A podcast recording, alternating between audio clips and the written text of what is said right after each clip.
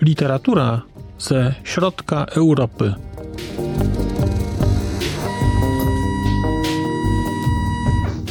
Podcast około książkowy.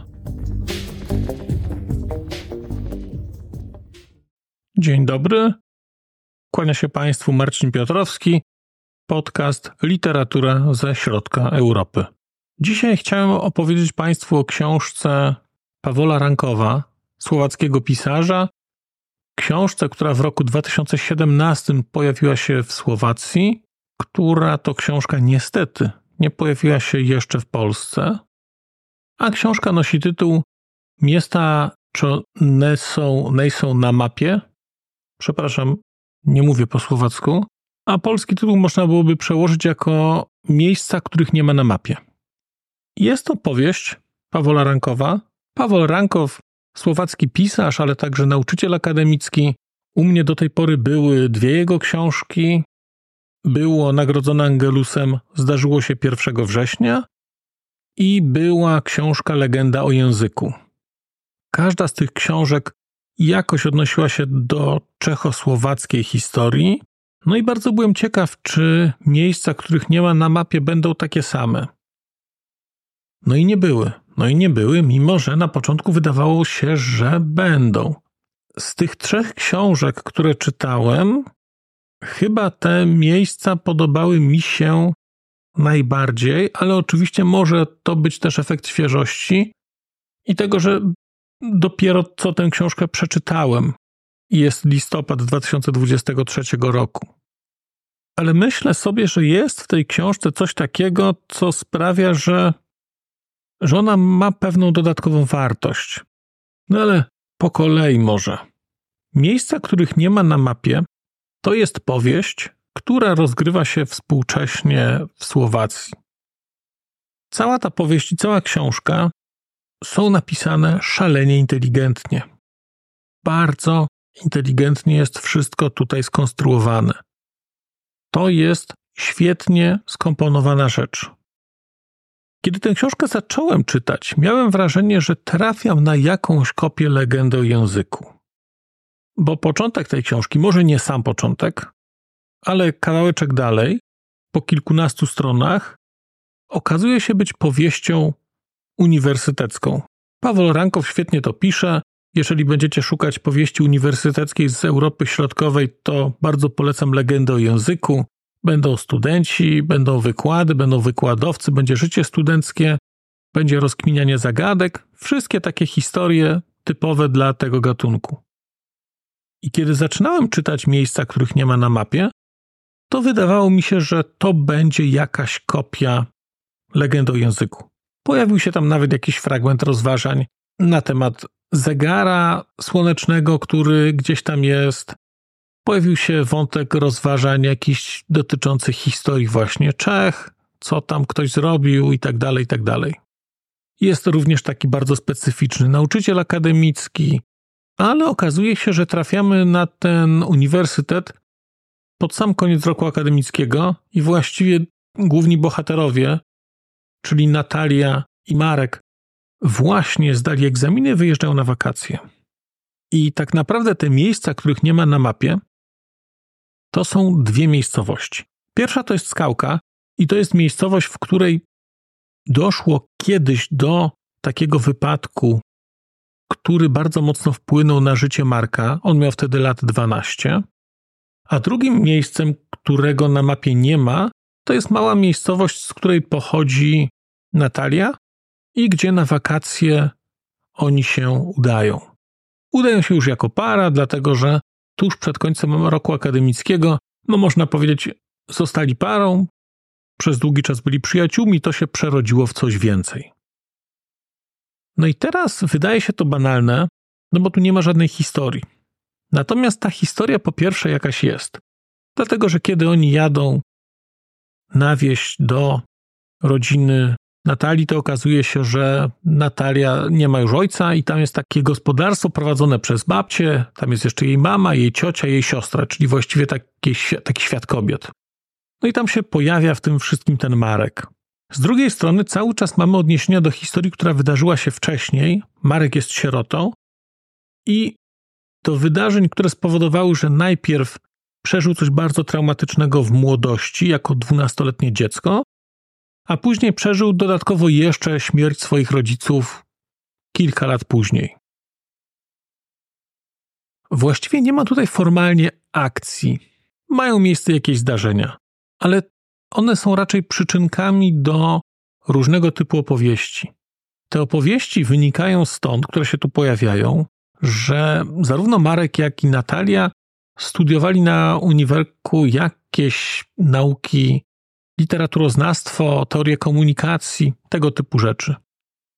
I poza takim, powiedzmy, głównym nurtem w tej książce, akcją głównego nurtu, znajdziemy tutaj mnóstwo gier i zabaw, które Rankow urządza sobie z różnymi gatunkami literackimi. Dlatego, że Marek regularnie pisuje fragmenty opowiadań albo konspekty opowiadań, które napisze, i to są opowiadania na różne tematy, pisane w różnych stylach, bardzo krótkie, hmm, mają pół strony, mają dwie strony, one nie są długie, są to takie konspekty, wstępy do opowiadań, pewne pomysły.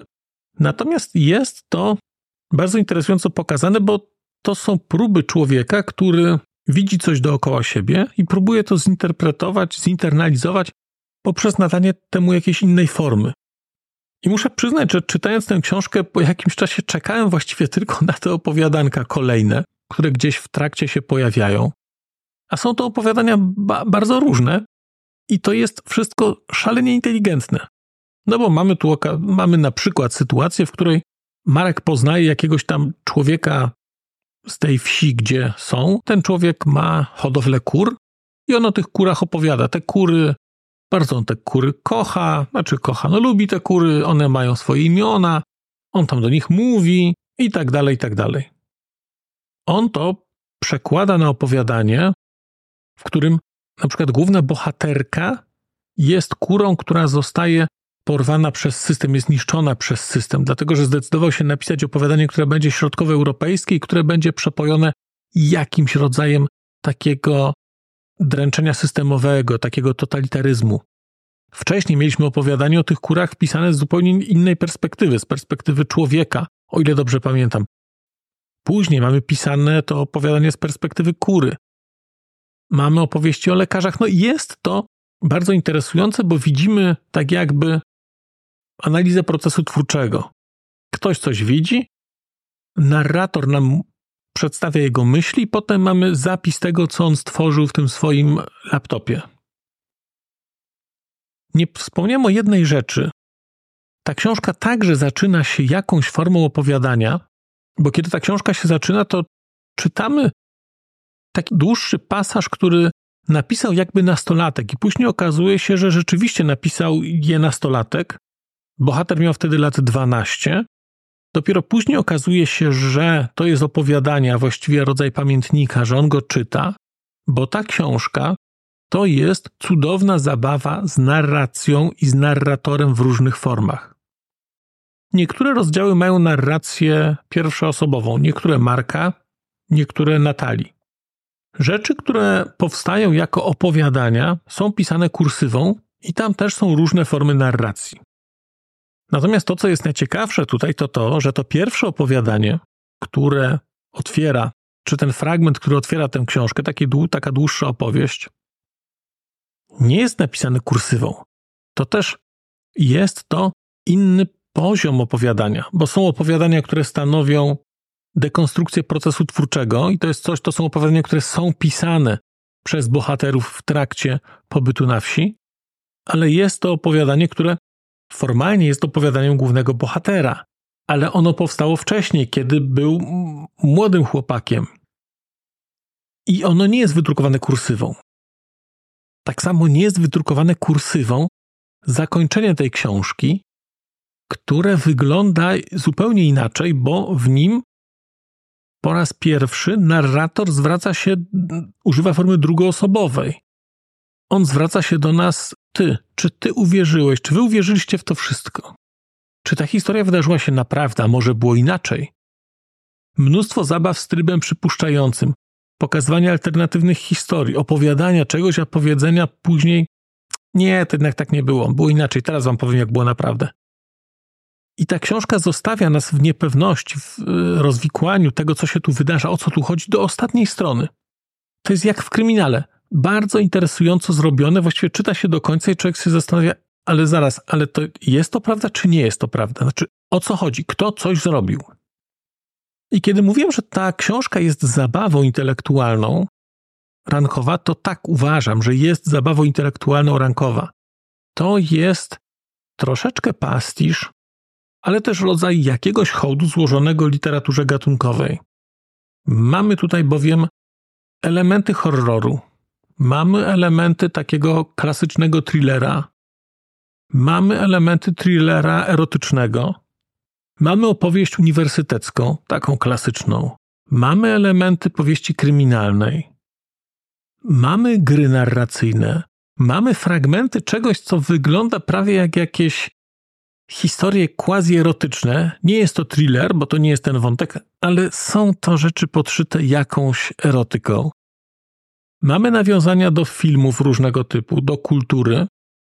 Sporo historii takich pojedynczych wtrętów, rozmów o literaturze, o tym, kim jest narrator, o tym, jak, jest, jak się tworzy dzieło literackie.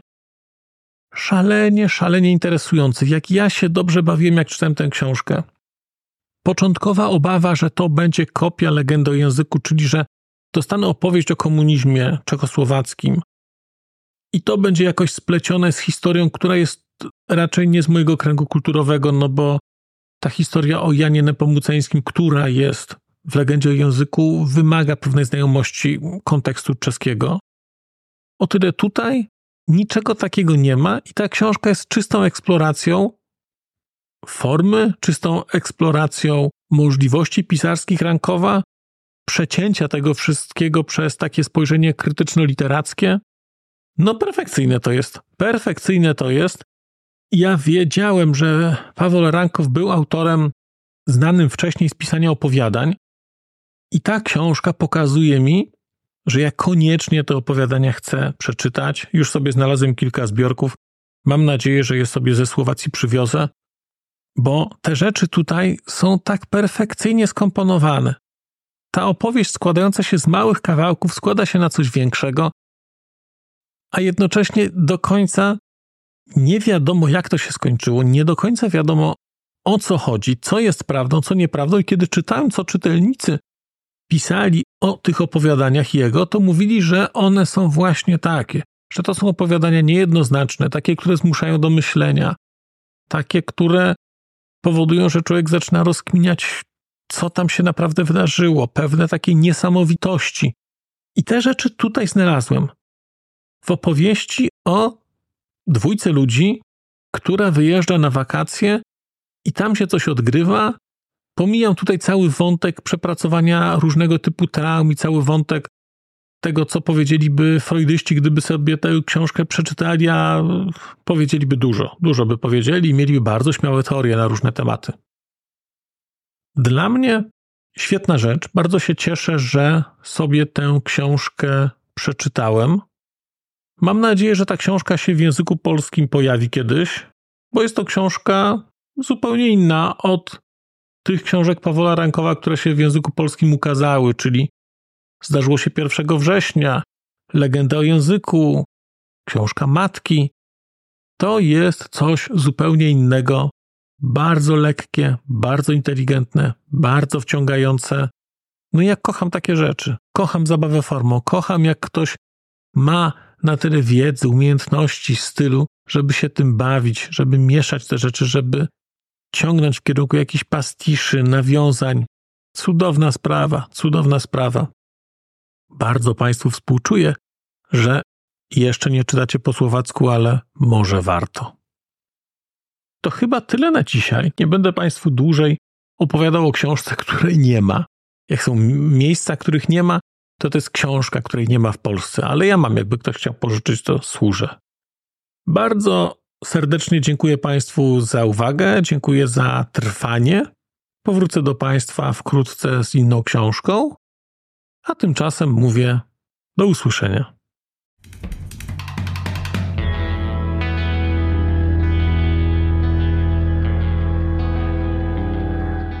Bardzo dziękuję Państwu za wysłuchanie tego odcinka, bo skoro jesteście w tym momencie, to znaczy, że wysłuchaliście go do samego końca.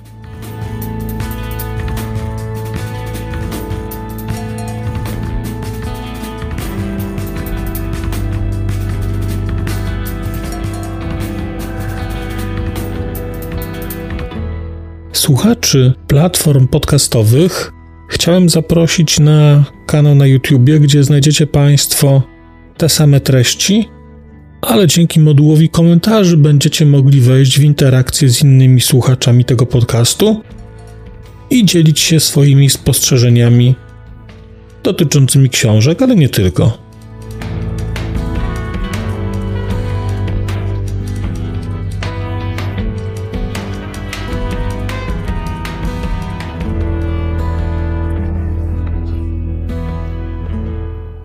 Oprawa muzyczna tego odcinka została zrealizowana na bazie muzyki słowackiego zespołu Longital.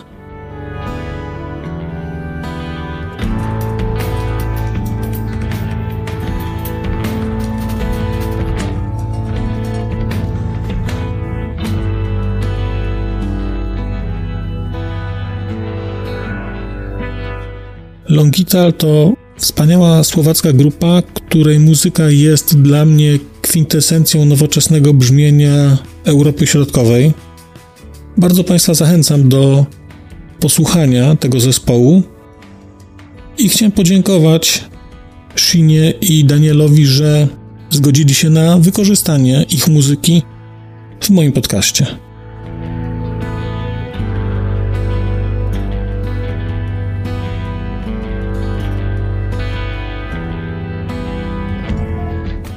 Šino a Daniel, ďakujeme vám veľmi pekne, že ste nám umožnili použiť vašu hudbu.